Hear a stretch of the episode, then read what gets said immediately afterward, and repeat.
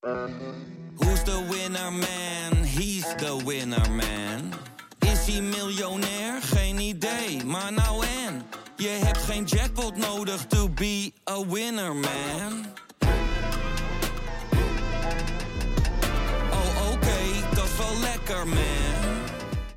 Van het enige varken in Afghanistan tot de spijbelpolitiek van Zweedse kinderen. De wereld, het boek dat wij samen met de Speld hebben gemaakt, is nu in de voorverkoop. Het is de meest betrouwbare landengids der landengidsen. Het beste boek dat je nooit mag gebruiken bij je eindexamen. Ga naar grotepodcastlas.nl slash boek, bestel hem en dan heb je hem eind juni in huis. 12 afleveringen, 12 provincies. Een reis langs bekende en minder bekende onderwerpen. Want zeg eens eerlijk, hoeveel weet jij van de provincies waar je niet vandaan komt? En nog eerlijker, hoeveel weet je van de provincie waar je wel vandaan komt? Een belangrijke vraag, want de provinciale statenverkiezingen komen eraan. Goede reden voor een bliksembezoek langs alle Nederlandse provincies. Nu geldt ons credo nog meer dan ooit. We zijn nooit volledig, maar wel origineel. Geen experts, wel liefhebbers. Welkom bij de provinciespecials van de grote podcastlas.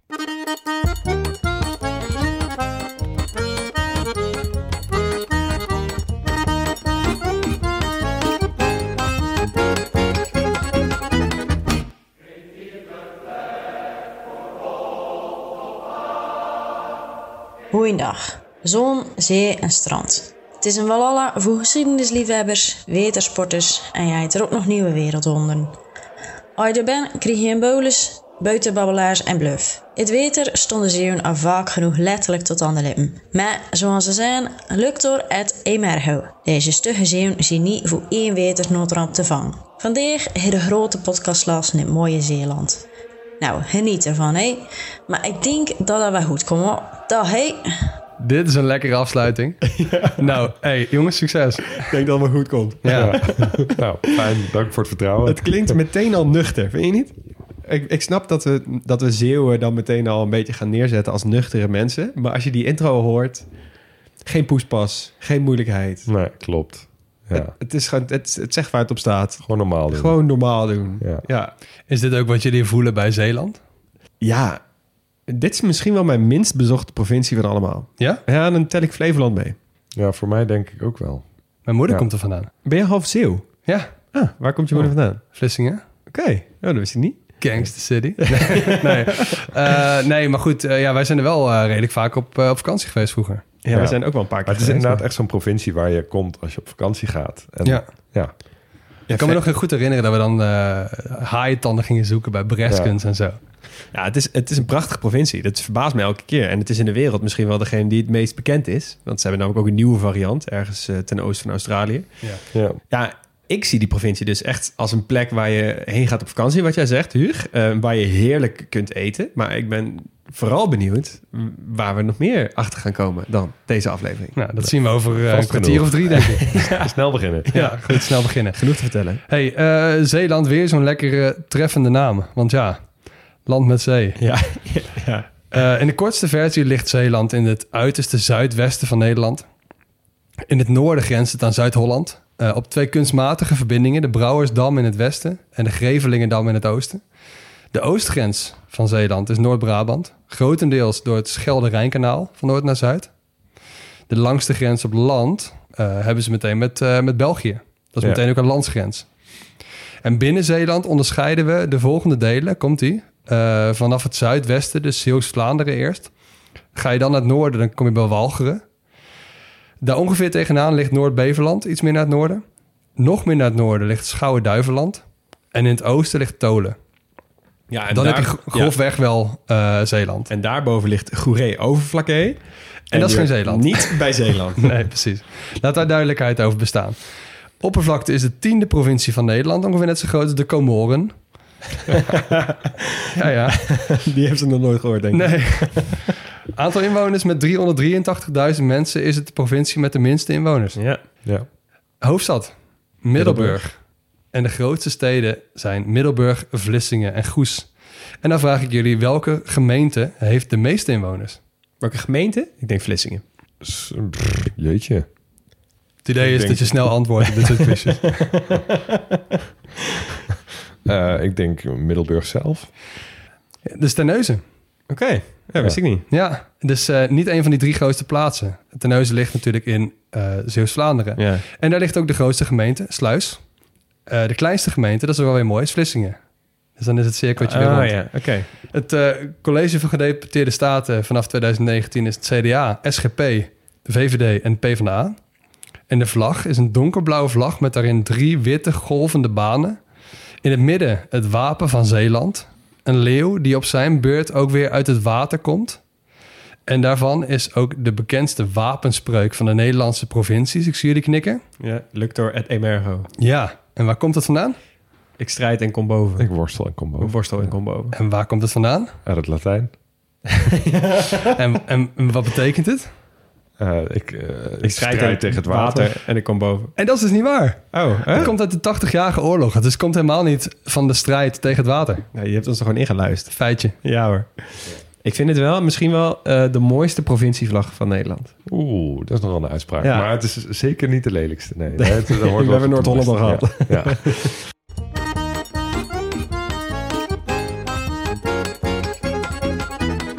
Hey, voor de bevolking van Zeeland gaan we het hebben over de Bijbelbelt. Eerst even een kleine eh, anatomie zoals we dat wel eens doen. Het is een lange, brede strook met relatief hoog aandeel van bevindelijk gereformeerde protestanten. Oké. Volg hem nog? Nee. Refo's. Ja. ja. Oké, nou, die loopt van de Zeeuwse eilanden naar het noordoosten. Meteen een quizje. Wat is de noordelijkste gemeente die ook wel gerekend wordt tot de Bijbelbelt? Oeh, ik denk... Taphorst? Ja, dan kom je wel daar in de buurt. Ja. Goed antwoord. Mooi. Nou, de ligging daarvan kun je het beste kwantificeren door de verkiezingsuitslagen. En die eh, gemeenteraadsverkiezingen van 2022 rechtvaardigen ook meteen de keuze om het in Zeeland over de Bijbelbelt te gaan hebben. Want meer dan 11% van de mensen stemde op SGP. Zo. Hè, dus de staatkundig gereformeerde partij. Ja. Dat is met afstand de grootste score die ze hebben behaald. En ook met de minste stemmers. Maar goed, hè, dat moeten we even door de vingers zien. Nou, in een tijd waarin die secularisatie van Nederland steeds meer het karakter van het land bepaalt, tekenen de grenzen tussen de Bijbelbelt en de rest van Nederland zich steeds duidelijker af. Dus we gaan het heel even hebben over het ontstaan daarvan. Eh, eigenlijk is de Bijbelbelt niet echt een nieuw verschijnsel, ehm, omdat er heel veel mensen zich daar hebben gevestigd. Maar juist door wat ik zelf eigenlijk, ik coin even een term hier, de ruimtelijke religieuze erosie ben gaan noemen. Oké, Wow. mooi. ja, want hij is eigenlijk zichtbaar geworden door ontkerkelijking in het omliggende gebied. Ja. Goed in de- punt. Ja, nou in de 16e eeuw eh, kwam het protestantisme op boven de grote rivieren. En in het zuiden waren mensen katholiek, zijn ze nog steeds. Eh, binnen het protestantse gedeelte is het even zoeken naar waar nou precies die gereformeerde eh, protestanten wonen. Dus de traditionele tak. En voor de eerste keer zien we dat eigenlijk in 1878. eh, toen werd er geprotesteerd tegen het terugdringen van onderwijs met de Bijbel. Dat noemde ook wel een volkspetitionnement. Dus het is gewoon een soort eh, aanklacht en die moest je dan tekenen... omdat de Bijbel steeds meer verdween uit het onderwijs. Ja, ja. En waar werd dat nou precies getekend? Veel in het gebied dat we nu kennen als de Bijbelbelt. Maar zeker niet alleen daar. Want die, brand, die band die was veel breder dan nu. En veel tekenaars woonden ook in de grote steden. Dus één op de zes van de mensen die in Amsterdam woonden... tekenden dat eh, petitionement. En één op de vijf mensen in Den Haag. Dus in de grote steden wa- was er ook heel veel steun daarvoor. Oké, ja. En in de eeuw daarna, dus in de 20e eeuw, werd die band steeds meer geaccentueerd. Omdat die ontkerkelijking veel vat kreeg op de Randstad. En dus zeker ook op de grote steden. Hè, die werden steeds diverser, steeds moderner. Eh, alleen die band daaromheen, die bleef nog redelijk traditioneel. Dus daarmee kreeg je dus een band die tussen de Randstad in en, en het zuiden, waar de mensen Ja, het nog katholieke katholiek zuiden, waren. ja. Oh, dat wist ik helemaal niet. Nou, wist ik ook niet. ontstaansgeschiedenis Zo van de Bijbelbelt. Maar het wordt wel steeds moeilijker in de, in, de, in, de, in de wereld van nu om die seculiere wereld buiten te houden. Dus je hebt de moderne media natuurlijk die opricht, maar zeker ook in Zeeland toerisme. En ik moet ook zeggen dat ik het lastig vind om te, bepa- om te bepalen hoe het er nu voor staat. Hè, kijk, het is natuurlijk iets waar heel veel mensen mening over hebben en waar mensen hele pittige uitspraken over doen. Ehm, het is ook een wereld die vrij ver van je afstaat qua beleving, dus ik kan er niet echt iets van zeggen. Je bedoelt de Bijbelbelt zelf? Ja, hoe, Ja. Hoe, het, hoe het leven nu eh, is in de moderne tijd. Ja, ja. Ik heb wel een Volkskrant-reportage gevonden. Die is bij familie langs gegaan ehm, in Goeree Overflakkee. Bij heel veel families. Ja. Nou, hè, Goeree, het is geen, eh, het is geen eh, Zeeland, maar we moeten toch even die parallellen trekken. Ehm, en eigenlijk wat je overal ziet is een beetje die worsteling van hoe streng zet je je filter hè, van, Mhm. van de buitenwereld die binnen mag komen. Dus mag je op zondag de krant lezen. En lees je buiten het Reformatorisch Dagblad ook andere media. Volgens mij heb ik dit artikel ook gelezen. Ja, Ja. 2015, Ja. als ik eh, uit mijn hoofd. Ehm, Ik vond het een gebruik- fascinerend artikel. Ja, ik geval. ook. Ja. En ook eh, bijvoorbeeld eh, bij ons in de Bijbelbelt, eh, een grote tentoonstelling in, in een museum hier in Utrecht, een keer geweest. Ik vond het super interessant. Eh, ook om te zien hoe die worsteling bij, bij heel veel families bestaat. Dus een quote die ik wel heel veel terug zag komen in dat artikel was: Je hoeft niet van deze wereld te wezen, maar je leeft er wel in. Ja, Oftewel, je hebt geen andere keuze dan in deze maatschappij te leven, maar dat betekent niet dat je aan alles ook maar mee hoeft te doen. Ja. Nou, een andere die veel genoemd wordt, was een denkbeeldige lijn die iemand over tafel trok. En zegt, als je ver van de rand blijft, val je ook niet in dit gevaar. Nee, oké. Slim. Nou, Slim. Ja. Beetje de uitdagingen van de mensen in de Bijbelbelt tegenwoordig. Ja. Nou, voor de geschiedenis gaan we redelijk ver de geschiedenis in. Namelijk, wie werd er geboren in Vlissingen op 24 maart 1607? Is het Michiel Ruiter? Michiel Adriaans zoon, zeker weten. Ja, dus in, in Armenië had hij eh, Adrianian geheten. of in Bosnië Adrianic. nee, je snapt het. Hij begon op zijn elfde met varen. eh, werkte zich op tot zelfstandig kapitein van de commerciële scheepvaart. En hij voer ook al mee in de walvisvaart, in de handelsexpeditie van de, van de specerijenhandel. En het doel, het doel was eigenlijk eh, het veilig doorkomen in zeeën waar permanent gevaar was. Door oorlog, kapers en piraten. En verder in zijn carrière verschoof het zwaartepunt wel een beetje van de commerciële aard naar de militaire aard. Dus hij werd steeds meer een militaire zeevaarder. Hij heeft zelf ook een tijdje als kaper gewerkt. Eh, verdient wel wat toelichting.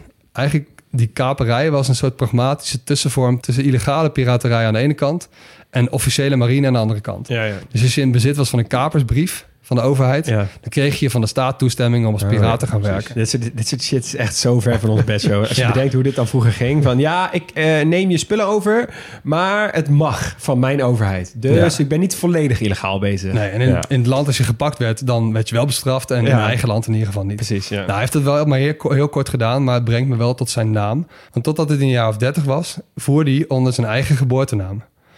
En misschien wat minder bekend is dat hij de naam De Ruiter zelf heeft toegevoegd. Waarschijnlijk verwijst De Ruiter naar ruiten of roven. ah, oké. Dus uit die tijd komt dat. Dat is wel, hij wist wel goed zichzelf te promoten op die manier. Want wij kennen hem nu allemaal niet als... Zeg maar, heel veel mensen uit zijn tijd... die kennen we als Adriaans zoon of Koens zoon Ja, of zo. In dit geval was het dus Michiel Ja, De Michiel Ruiter. De Ruiter, Ja. ja, slim. Nou, hij had op een gegeven moment heel veel geld verdiend rond zijn 45 En toen wilde hij lekker gaan rentenieren. Eh, maar dat kwam er niet echt van. Nederland raakte in oorlog met Engeland. En hij klom op tot opperbevelhebber van de Nederlandse vloot. En vanaf die tijd wordt zijn naam ook een beetje gelijk eh, gesteld aan eh, het ontstaan van het korps mariniers. Eh, De eerste tijd dat er ook echt militairen aan boord gingen ehm, van de marine. Nou, in die tijd ook werd Nederland natuurlijk aangevallen door Engeland. En dat legitimeerde ook een beetje het feit dat wij oorlog aan het voeren waren. Dus ook dat wij zeehelden heel erg gingen vereren. Wij Ja, als Nederlanders. Ja, ja, ja. En Michiel de Ruiter zijn we dus ook gaan zien als de grootste zeeheld. Nou, in 2004 werd hij zevende bij de verkiezing van de grootste Nederlander. ja. Dan vraag Ja. ik jullie, achter wie? Pim Fortuyn was één. Volgens mij. Door een dwaling in de telling, ja. Ja. Dus hij werd Johan uiteindelijk tweede. Cruijff was waarschijnlijk tweede of derde. Ja, zesde. Verder hadden we Erasmus, Erasmus. Anthony van Leeuwenhoek, Willem Drees eh, en de winnaar Willem van Oranje. Oh ja, ja. Ja. Oké, fair enough. Ik denk dat niet alle mensen in alle provincies het hier helemaal mee eens zullen zijn. Maar goed, Nee. daar komen we later. Nee. Maar goed, Zeeland staat er toch wel lekker voor. En voor politiek gaan we terug eh, naar wat deze maand precies 70 jaar geleden is. De watersnoodramp van Ja. 1953. Oh, ja, ja, Heel ja. groot thema. Nou, de grootste Waar waren jullie toen je, toen je dit hoorde? Ja, ik was eh, min 40 of zo. Nou, het is de grootste Nederlandse natuurramp in de 20e eeuw... als je kijkt naar het aantal slachtoffers. En wat gebeurde er nou? Er was een noordwestenstorm... die kwam vanuit IJsland recht op de Nederlandse kust af. De combinatie daarvan met springvloed... leverde bij, eh, bij Vlissingen een waterstand op van 4,5 meter boven NAP. Insane, ja. Ja, en de dijken die braken door op 150 plekken in Zeeland, Zuid-Holland en Noord- Noord-Brabant. 150 plekken. ja, Ja. En, en wanneer? Dat moet je er even aan toevoegen. Was namelijk midden in de Midden nacht. in de nacht. Ja. Ja. En dit was in een tijd waarin er nog geen mobiele telefoons waren. Radio's waren echt sporadisch. Ja. Ja, Eh, er was geen tv. ja. Dus hoe moesten deze mensen gewekt worden midden in de nacht? Kerkklokken. Kerkklokken. Ja. Ja. Dus alle mensen die dus nu... Er is een hele mooie... Misschien wil je dat nog zeggen, Max. Maar ik, ik ga dan alvast nu alvast het gras voor je voeten wegmaaien.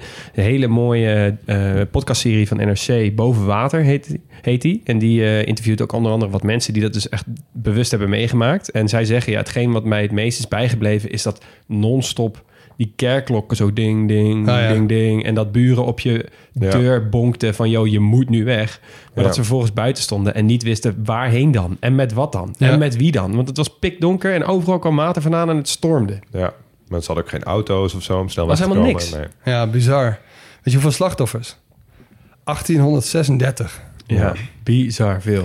En vergeet ook even niet de 47.000 veedieren, de 140.000 pluimveedieren. De Zo. totale schade omgerekend nu zo'n 5,4 miljard euro. Zo. En de schade kwam niet alleen door de sterkte van de natuur, maar ook door de zwakte van de dijken. Want we bevonden ons in de wederopbouw. Het is niet zo heel goed geïnvesteerd eh, eh, in de kustbescherming. Dus het duurde ook tot november, tot het laatste gat gedicht was. Maar er kwam een gigantische hulpactie op gang, ook internationaal. Maar dat was niet genoeg. En het was tijd om maatregelen te nemen die de veiligheid op langere termijn konden waarborgen. Daar gaan we het denk ik zo meteen over hebben in het volgende hoofdstuk.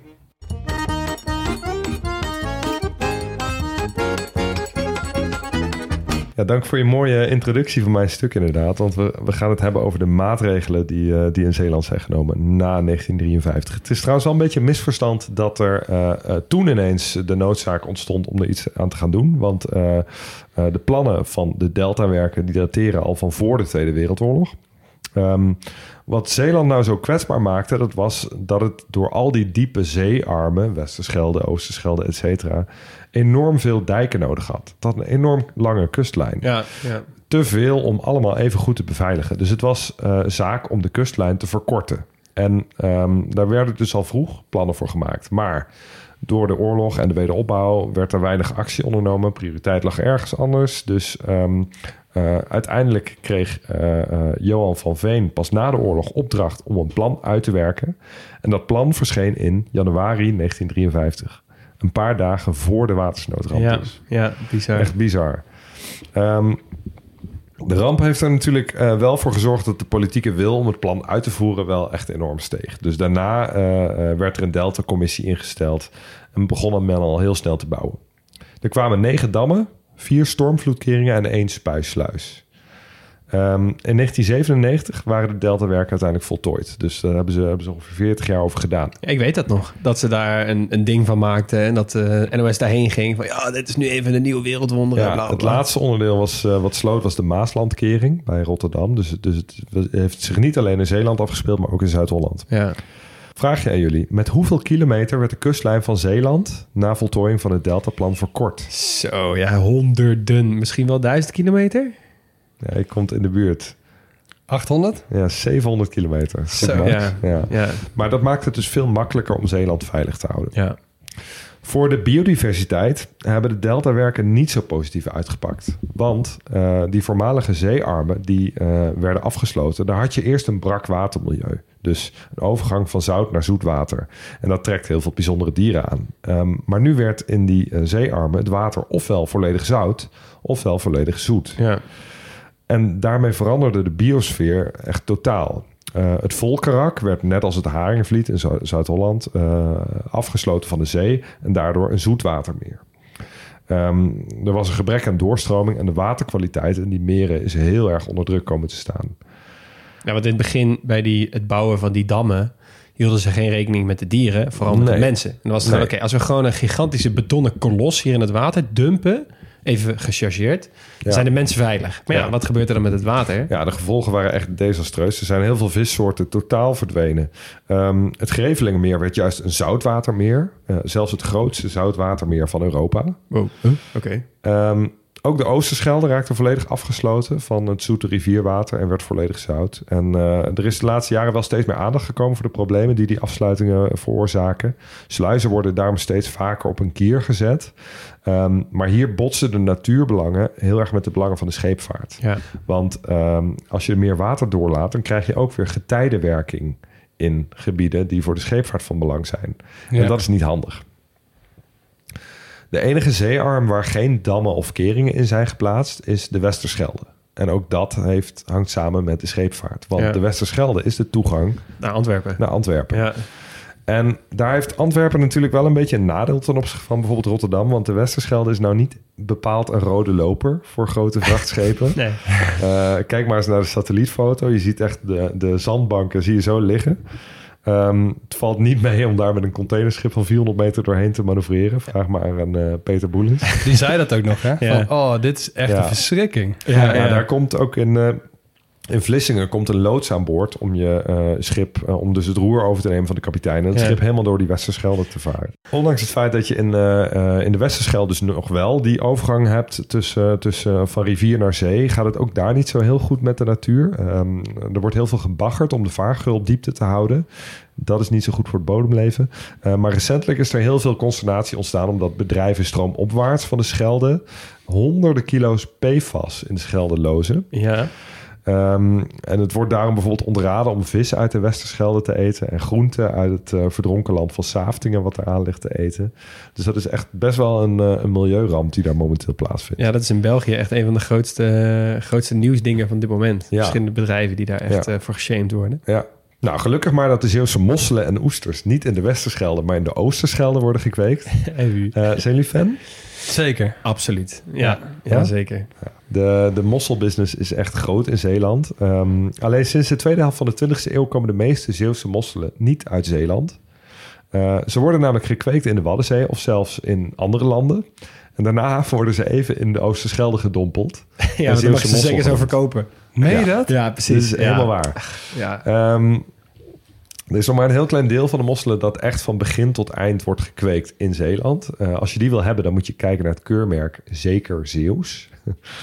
Ehm, de Keuringsdienst van Waarde heeft hier ooit echt een mooie aflevering over gemaakt. Die eh, zal ik ook wel even tippen. Jij kijkt het ook graag, hè? Ja, ik kijk dat heel graag. Ja. Dus ook precies een half uurtje is vaak gewoon precies goed wat je nog kan hebben voordat je naar bed gaat. Ja, precies, precies een derde podcast. Ja. Ja. Mosselen worden meestal op de bodem gekweekt, maar in de Oosterschelde ook aan touwen. Dat worden hangcultuurmosselen genoemd. Eh, de mossel hangt dan dus aan een touw dicht aan het wateroppervlak, krijgt meer zonlicht, groeit sneller, bevat meer vlees. En dit zijn dus ook volgens kenners de beste mosselen. En deze mossel heeft dus gegarandeerd zijn hele leven doorgebracht in Zeeland. Ja, ja, ja. Maakt hem duurder, maar volgens velen ook wel echt superieur. Nou, Zeeuws of niet Zeeuws, eh, Zeeland en vooral mosselhoofdstad Ierseke varen er echt, eh, echt wel bij. En, België is trouwens de grootste afzetmarkt. Maar er stroomt niet alleen veel Belgisch geld naar Zeeland, ook veel Duits geld. Oh. Want voor Duitsers is Zeeland echt een super populaire bestemming. Want ja, het is een van de meest warme, zonnige stukjes Noordzeekust. Ehm, eh, er is ruimte genoeg voor grote vakantieparken waar ze allemaal zitten. En voor hele grote delen van Duitsland ligt het veel dichterbij dan hun eigen koude Noordzeekust. Ja, ja, ik vind dit altijd echt vet mooi. een goed Ja. feitje, ja. Ik snap het ook wel, want er zijn niet zo heel veel plekken waar je strand en duinen kan combineren met leuke oude pittoreske stadjes.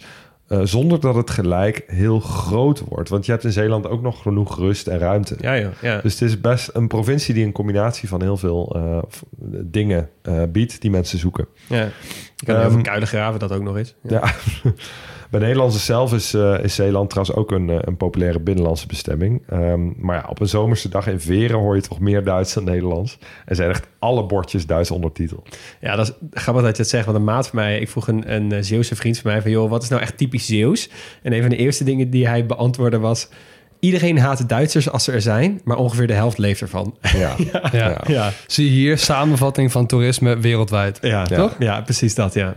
En volgens een eh, onderzoek van ING is eh, Zeeland echt by far de meest toeristische provincie van Nederland. Eh, ze hebben daarbij gekeken naar het aantal overnachtingen en hora- horecagelegenheden ten opzichte van het aantal inwoners. Ja, daar ga je al. Ja, Ja. daar ga je al. Eh, kunnen jullie de top 5 afmaken? Provincies? Ja. Friesland? Nee, Friesland staat op 5. Noord- eh, Noord-Holland staat dan ergens op 2 of Ja, 3. staat op 4. dan staat waarschijnlijk Gelderland. Nee. Ook dat, Utrecht? Nee. Limburg? Limburg op 3. Ik, ik zeg niks meer. Ik heb al twee foute En antwoorden Drenthe gegeven. staat op 2. Drenthe? ja, maar Drenthe is natuurlijk ook een, een plek waar mensen graag komen recreëren. En er wonen heel weinig mensen. Dus in, in lijstjes per hoofd van de bevolking doet het al snel wel goed. Drenthe begint echt een beetje de parel van deze provincie Nou, te worden. Hè? Ja.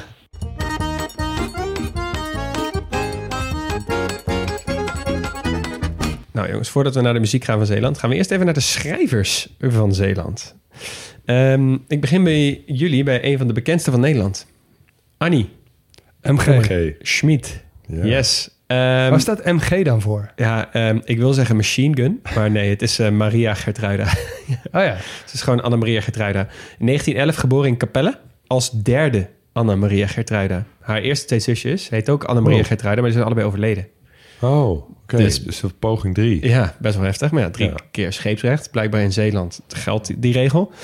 Wel een grappige anekdote vanuit haarzelf. Ze zegt vlak nadat ze werd geboren... kwam haar acht jaar oudere broertje thuis met de mededeling... dat hij haar had geruild voor een kalf. Hij was namelijk best wel klaar met haar. Waarschijnlijk omdat hij geen aandacht meer kreeg of zo. Nou goed, eh, vrij hilarisch. Eh, wat minder hilarisch was, was haar je- jeugd. Ze stond bekend als een heel slim kind. Een heel, eh, eigenlijk op een andere manier dan haar klasgenootjes. En ze werd al snel gepest. En daardoor verstopte ze zich heel snel in sprookjes. Ehm, ja, nou, hier zie je eigenlijk al het begin van iemand die veel sprookjes en dingetjes schreef. En op haar vierde schrijft ze haar eerste tekst. Ik zal hem even voorlezen. Het is heel hoogdravend, dus hou je even goed vast. Er was dus een hond, die zat op zijn kont. Er was dus een kat, die zat op zijn gat. Annie M. G. Schmid. Nou, Vier ja. jaar oud. Ruimt wel, vriend. Ja, en meer wat ik kon op mijn vierde waarschijnlijk. Maar goed, de jaren later is ze via Limburg naar Amsterdam verhuisd. Is ze aangenomen als eh, verlegen documentaliste bij eh, de Amsterdamse krant Parool. Eh, daar was op een gegeven moment een personeelsfeestje... waar mensen een soort cabaret gingen uiten. En toen heeft ze een zelfgeschreven nummer voorgedragen. En toen dacht iedereen ineens... wow, deze vrouw kan veel meer dan wat we haar laten doen. Toen is het eh, groter geworden. Toen mocht ze verhaaltjes gaan schrijven. Toen is ze bijvoorbeeld begonnen met Jippe Janneke in de Parool. Dat was gewoon een stripje daarin. En nou, van het een kwam het ander.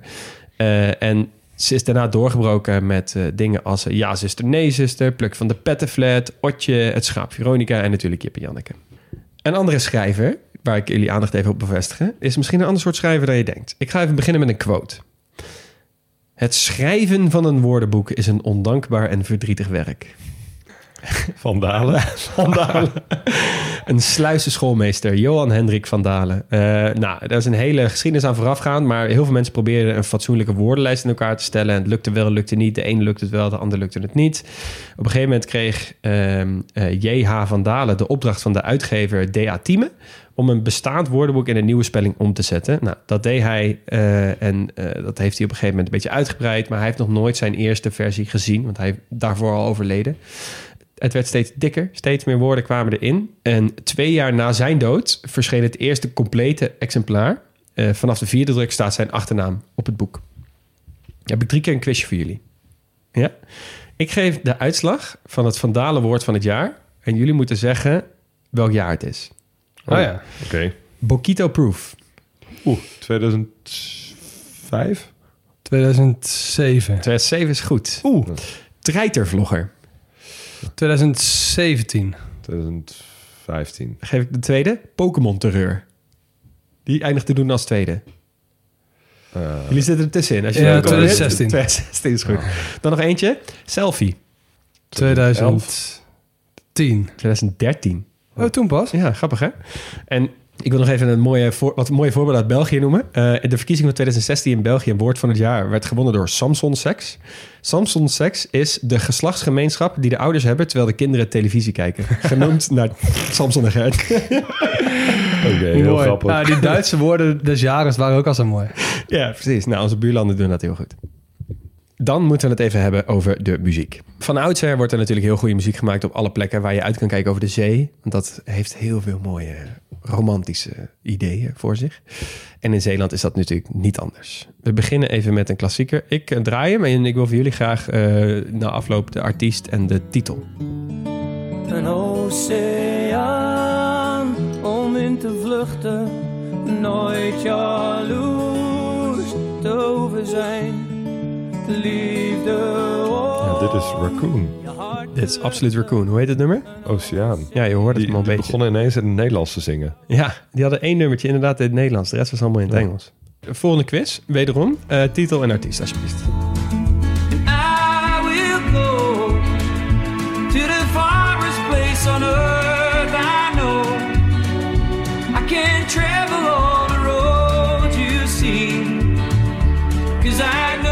De nummer 2 hè, van eh, Top 2000 tegenwoordig. Danny Vera. Danny Vera. Rollercoaster? Zeker. Ja. Hij heeft zelfs eerst gestaan. Absoluut. Ja, waanzin. Ja, ehm, en dan ga ik willen afsluiten met de absolute koningen van de Zeeuwse muzikale ziel. Zeg maar. Bluff. Hier aan de kust, de Zeeuwse kust. Waar de mensen onbewust zin in mosselfeesten krijgen. En van eten slechts nog zwijgen. Ja, dit nummer is prachtig. Dat moet ik Bluff nageven. Ja, maar jij, jij bent geen bluff fan? Ik ben niet zo'n Bluff-fan, maar... ehm, Nee, ik kijk maar ook nee, naar jou, Max, ja. want jij bent ook geen Nederlands. Je zit hier met je mening voor je te houden. Ik vind het altijd zo lekker dat dingen kunnen bestaan zonder dat je er ooit iets van hoeft te vinden. Totdat je podcast gaat opnemen. Nou, als je mij om drie uur s'nachts dit nummer voorschotelt... dan sta ik echt wel arm in arm met mijn buurman dit mee te zingen, hoor. Absoluut. Ja, en, en we moeten het even hebben over die laatste bluff. Want ze zijn ongelooflijk populaire eh Zeeuwse artiesten. ehm, eh, met ook internationaal succes. Ze hebben een nummer gemaakt met de Counting Crows bijvoorbeeld. Eh, maar ook heel belangrijk voor de regio. En dat vind ik persoonlijk vind ik dat altijd heel vet. Zij trekken echt Zeeland naar voren. Zij doen heel veel nummers met lokale artiesten. Ze hebben bijvoorbeeld Concert at Sea opgericht. Dat Ja. is een heel groot meerdaags festival op de Brouwersdam. En je moet even, ik zou een plaatje op social zetten, want dat ziet er heel vet uit. Ze hebben dus midden op die dam hebben ze dan dus dat festivalterrein daar gemaakt. Ik wist niet dat het zo groot was. Dat is mea culpa bij deze. Maar ze hebben dat dus zelf ook best wel goed opgezet. En zij trekken er echt wel grote namen naartoe. Een ander groot nummer wat ze hebben is het nummer Zoutelanden. Het is een dorpje van nog geen 1600 inwoners. Maar dat hele dorp is ontploft nadat het nummer uitkwam. Want ze zingen onder andere over het oude strandhuis. Maar dat hele oude strandhuis bestaat helemaal niet. Serieus, dat ding het zoeken. Het is een cover van een Duits nummer, hè? Is dat zo? Frankfurt Oder. Mag ik die even laten horen? Ja, zeker. Frankfurt oder Und dann sitzen wir hier im Gartenpavillon. Was du erzählst, hätte ich Wow, ik wist dit niet. Nee. Het is gewoon echt een cover. Ja, het is gewoon echt eh, goed gejat. Je zegt het nu positiever dan toen je net het nummer afspeelde. nou ja, ik luister, doe mij dan toch maar de Duitse versie. Misschien omdat Fair ik enough. weet dat het het origineel is, maar vind het ook wel lekker klinken eigenlijk. Ja, fair enough. Nou goed. Eh, ik, ehm, eh, waarom Zeeuwse bands zo populair zijn, dat vroeg het eh, Financieel Dagblad zich af toen Danny Vera eerste werd op de top 2000. Nu staan ze tweede, maar toen werden ze eerste. Daar, uit dat interview kwamen een paar mooie quotes. En dan moet ik die zeer gewoon nageven. Die zijn wel echt lekker in quotes. Hier komt de quote van Raccoon-gitarist Dennis Huigen. Zeeuwen zijn nuchter en niet zo vatbaar voor trends. Dat spreekt mensen aan, denk ik. Ehm, daarna een quote. En nu komen een paar quotes van Danny Vera. Echt een mooi vent. Bluff en Raccoon zijn ook van die sentimentele rukkers. Net als ik. Daarna, een van zijn beste quotes, persoonlijk. Ik ben nog steeds van mening dat we Zeeland los moeten scheppen als het misgaat. Die vijf ingangen laten ontploffen en afdrijven. We hebben hier alles, man. Ik zeg overal dat Zeeland kut is. Er komt tenminste niemand hier naartoe. Ik hou het liever voor mezelf. Wat Ja, dit mooi. is een grote politiek zwaargewicht aan dat wij zijn. Ja. en hij heeft zelfs een nummer over de A58 gemaakt. Dat is de snelweg die begint in Vlissingen en Zeeland verbindt met de rest van Nederland. Zo, maar even... Dan ben je een mooi vent, hoor. Drie, hoofd- drie eh, afleveringen geleden had je het over de paling sound. Ja. Nou, eh, bel even dan dat ze dan dit gewoon de mossel sound gaan Ja, noemen. zo, inderdaad, ja. Dat moeten ze beter, beter, eh, beter framen. Ja. Over mossels gesproken. De Zeeuwse keuken. Daar moeten we het even over hebben. Niet over de Zeeuwse bolens, niet over de boterbabbelaars... en zelfs niet, want daar hebben we het al over gehad... over de mosselen, haringen of oesters... maar we moeten het hebben over de sterren. Niet de zeesterren, maar de sterren die ze hebben... voor alle restaurants Oh ja. in de provincie. Nou, eh, de Michelin-gids in Nederland telt twee restaurants met drie Michelin-sterren. Eentje hebben we besproken in Overijssel, die ander ligt in Zeeland. 21 restaurants hebben twee sterren, daarvan liggen er twee in Zeeland. Ehm, en zij doen het per hoofd van de bevolking het allerbest van alle Nederlandse provincies. De meeste sterrenrestaurants. En dat komt eigenlijk voornamelijk door één persoon. Waar heb ik het over? Sergio. Sergio Herman. Mooie naam Een altijd. hele mooie naam. Klinkt heel Spaans, is het niet. Je Klinkt zijn als twee, twee gewoon mensen die echt niks met elkaar te maken hebben... en die allebei een voornaam bijdragen aan die naam. Ja, inderdaad. Ja, het is, voor de mensen die hem niet kennen, het is de sterrenchef uit eh Zeeuws-Vlaanderen. Ehm, of zoals de Zeeuwen het noemen, die niet op Zeeuws-Vlaanderen wonen, de overkant. Hij is bekend van onder andere zijn heerlijk accent en zijn natuurlijk opvliegendheid. Want dat heb je nodig als je chef-kok bent en sterrenchef bent. Eh, ja, misschien is opvliegend wel een verkeerde woord. Hij is gewoon streng en goed als, als chef-kok. Eh, in Katzand is hij verbonden aan het gastronomische restaurant Pure Sea.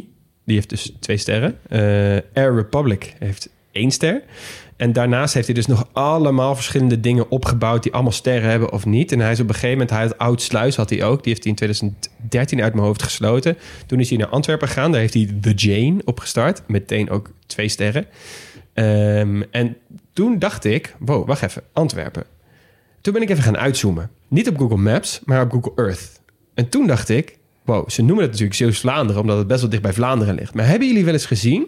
hoeveel meer verbonden met het Belgische land... Zeeuws-Vlaanderen is dan met Nederland? Ja, tuurlijk. Ja. Je kunt er ook niet heen over land. Je kunt niet over land naar Zeeuws-Vlaanderen. Het is echt met een steenworp afstand ben je in Brugge of in Antwerpen. Het is zoveel meer België dan dat wij eh randstedelingen Ja. Beseffen. Ah, je hebt nu natuurlijk wel die Westerschelde-tunnel, hè? Dus je kunt wel uh, kunt erheen rijden. over land kun je erheen rijden. onder maar water. v- voor, vanuit de rest van Nederland is het alsnog behoorlijk slecht bereikbaar, ja. Ja, inderdaad. Maar en het viel mij dus echt op toen ik dat zag, dat ik echt, wauw, oké. ik snap heel goed dat zo iemand als Sergio Herman eerder naar Antwerpen gaat dan, zeg, weet ik veel, Rotterdam of zo. Ja. Dat is voor hem veel, veel, veel dichterbij. Ja. We gaan afsluiten met het hoofdstukje sport. We gaan het namelijk even lekker lang hebben over de Eredivisie voetbalclub van de provincie. Ja, nou kom maar. Sorry, Zeeuw. Ja, jammer. Überhaupt profvoetbal is, eh, bestaat niet. Dus Exact. VC Vlissingen speelde van 1990 tot en met 1992. Wel geteld twee seizoenen betaald voetbal. En is daarmee de enige profclub die de provincie Zeeland gekend heeft. Zo. Sinds Almere City, FC, in 2005 uitkomt in het betaalde voetbal... is Zeeland de enige provincie zonder een betaalvoetbalclub. Dat is echt lullig voor Zeeland. Echt lullig voor Zeeland. Ja. Maar ze hebben wel eh, wat briljante voetballers voortgebracht. En eh nou wil ik iets met jullie doen wat voetballers en voetbalpodcastluisteraars goed kennen, maar andere mensen niet. Een paspoortje. Dus ik noem de clubs en jullie moeten zeggen welke voetballer het is. Leuk. Ja? Ja. Oké, ik begin. We beginnen met VC Vlissingen. Daarna KSK Beveren, RC Anderlecht, Ajax, Istanbulspoor, Glasgow, Glasgow Rangers, Feyenoord, De Graafschap, VV Bennekom en eindigen bij Vitesse. Eh, actief van 1987 tot 2004. Ehm, is dit... eh, Ik wist niet dat hij uit Zeeland kwam. eh, ehm, eh, Bert Konteman? het is zijn tegenhanger ongeveer. Kees van Wonderen? Nee, die andere. Oh, wat, wat is de volgende in het rijtje? Bert Konteman en eh, Kees Ja, van hij, is, hij is wel eerder. Hij is wel eerder. Hij is wel een, een stuk eerder. Maar ik zie hem altijd in dezelfde generatie, namelijk Peter van Vossen. Oh, Oh, ja. ja. Maar dit is wel meteen de moeilijkste hoor. Oké, dan kom ik met de volgende. Eh, hij heeft gespeeld voor RCS. Toen voor Sparta Rotterdam. En toen voor Ajax. Punt. Danny Danny Blind. Blind. Die was makkelijker. Dat ging heel snel. Oké, eh, eh, laatste. Begonnen bij Velox. Toen bij Hycersis. Eh, toen naar Feyenoord. Toen naar AZ. Toen naar Chicago Sting. Toen naar FC Utrecht. En geëindigd bij Feyenoord. Van 1962 tot 1983. Kom ik meteen met de volgende. Willem van Hanegem? Willem van Hanegem. Is goed. De kromme. Ja, nice. Nou, dan moeten we in ieder geval naar één ding wat in ieder geval wel heel Zeeuws is. Zeeuwse sport. Ringrijden. Hebben jullie enig idee wat ik bedoel als ik zeg ringrijden? Ik kan me er wel iets bij voorstellen. Eh, het is niks Het seksueels. is niet ringsteken-achtig. Wat is ringsteken? Dat je op een paard met een lans eh, eh, door een ring moet, moet, moet spiezen. Als het 100% ware. precies dat. Ja. Oh. Maar ehm, eh, je hebt dus een hele specifieke Walgerse of Zuid-Beverlandse versie van ringrijden. Dan heet het dus ringrijden. Dan zit je op een ongezadeld paard dat in galop door die ringbaan, dus, dus een soort rechte baan eh, tussen twee balken, richting een plek waar inderdaad bij een bovenbalk hangt een heel klein ringetje waardoor jij een lans moet steken. En dat ringetje is geen geintje. Eh luisteraar, als je nu zeg maar een ring maakt tussen je duim en je wijsvinger... en je, dat is zeg maar het maximale, nog zelfs kleiner dan dat. En dan moet je dus een lans doorheen steken met een paard in vol galop. Ik krijg echt zieke te land zijn in de luchtvibes van hier. Het enige voordeel is dat je niet, weet ik veel, 80 graden naar beneden moet... of een grote bak water achter je staat. Maar Met Johan Flemmix. Ja, met Johan Flemming. Maar goed, het, eh, daarnaast heb je nog allemaal andere leuke dingen. Want het paard moet namelijk versierd zijn. En de deelnemer moet de voorgeschreven wedstrijdkleding dragen. Nou goed, je kent het hele gebeuren. In de tijd dat ik geen eh, profclub zou hebben in Zeeland... zou ik vol, vol inzetten hierop. Zeker, mooi dagje voor het hele gezin.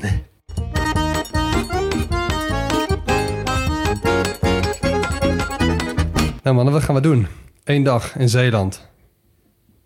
Ik ga het NK tegenwind fietsen. Oh, die hebben we niet eens genoemd. Nee, over de Shit. Oosterschelde Ja. stormvloedkering. Dat Ja. vind ik altijd zo'n goede vondst. Ja, Ja. inderdaad. Ik ook. En vooral omdat niemand weet wanneer die dag precies is. Ja. Maar ik heb dan vooral zin om dan eh, na de finish terug te fietsen naar de start. Maar eh, leg, even leg even in één zin uit wat ze doen. Ja, nou ja. Wat is er Tegen meer de uit- wind in fietsen. wou zeggen, tegen wind in fietsen En over een dijk. Dat is toch ook één zin? Ja, Ja. ja. fair enough. Leon? Ja, eh, consistency, denk ik. Ik zag die line-ups van de afgelopen paar jaar. Er zitten echt wel een paar goede artiesten tussen, hoor. Blues, eh, jazz, zit van alles tussen waar ik echt groot fan van ben. Dus ik, eh, ja, ik ga daar gewoon heen. Cool. Ja, ik ga denk ik naar een mosselkwekerij. Oh? Ja, nee, serieus. Ik ben er nooit geweest. En eh, ja, goed, als er één plek is om het te doen, dan is het wel in Zeeland. Dat Dus is zeker waar. Ik ben heel benieuwd hoe ze dat doen, hoe dat eruit ziet. En dan eh, even een pannetje eten. Nou, kom maar. En dan moet iemand ons eigenlijk even vertellen hoe het is op, in het museum op de Neeltje Jans. Want daar hebben we nog geen woord aan. Nee, niet. Nou, bij deze toch nog een woord. Ook als je luistert vanuit Tolen, eh, volgende keer beter. Ja, sorry. Hey, heel erg bedankt voor het luisteren naar dit hoofdstuk van de kleine podcastlas vanuit de Huiskamerstudio in Utrecht. Hoorde je Leon Moelis, Max Gerritsen en Hugo Noordman. En Jonas van Impen doet de eindmontage. Nooit volledig, wel origineel, geen experts, wel liefhebbers. Volg ons op de socials op het grote podcastlas en laat het weten als we iets gemist hebben. Eh, kijk ook zeker op de website grotepodcastlas.nl. En aanstaande donderdag reizen we naar Friesland. Dag hé.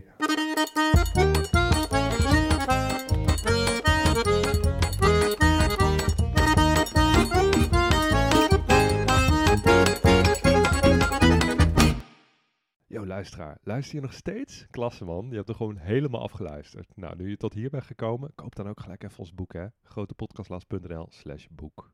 Doei!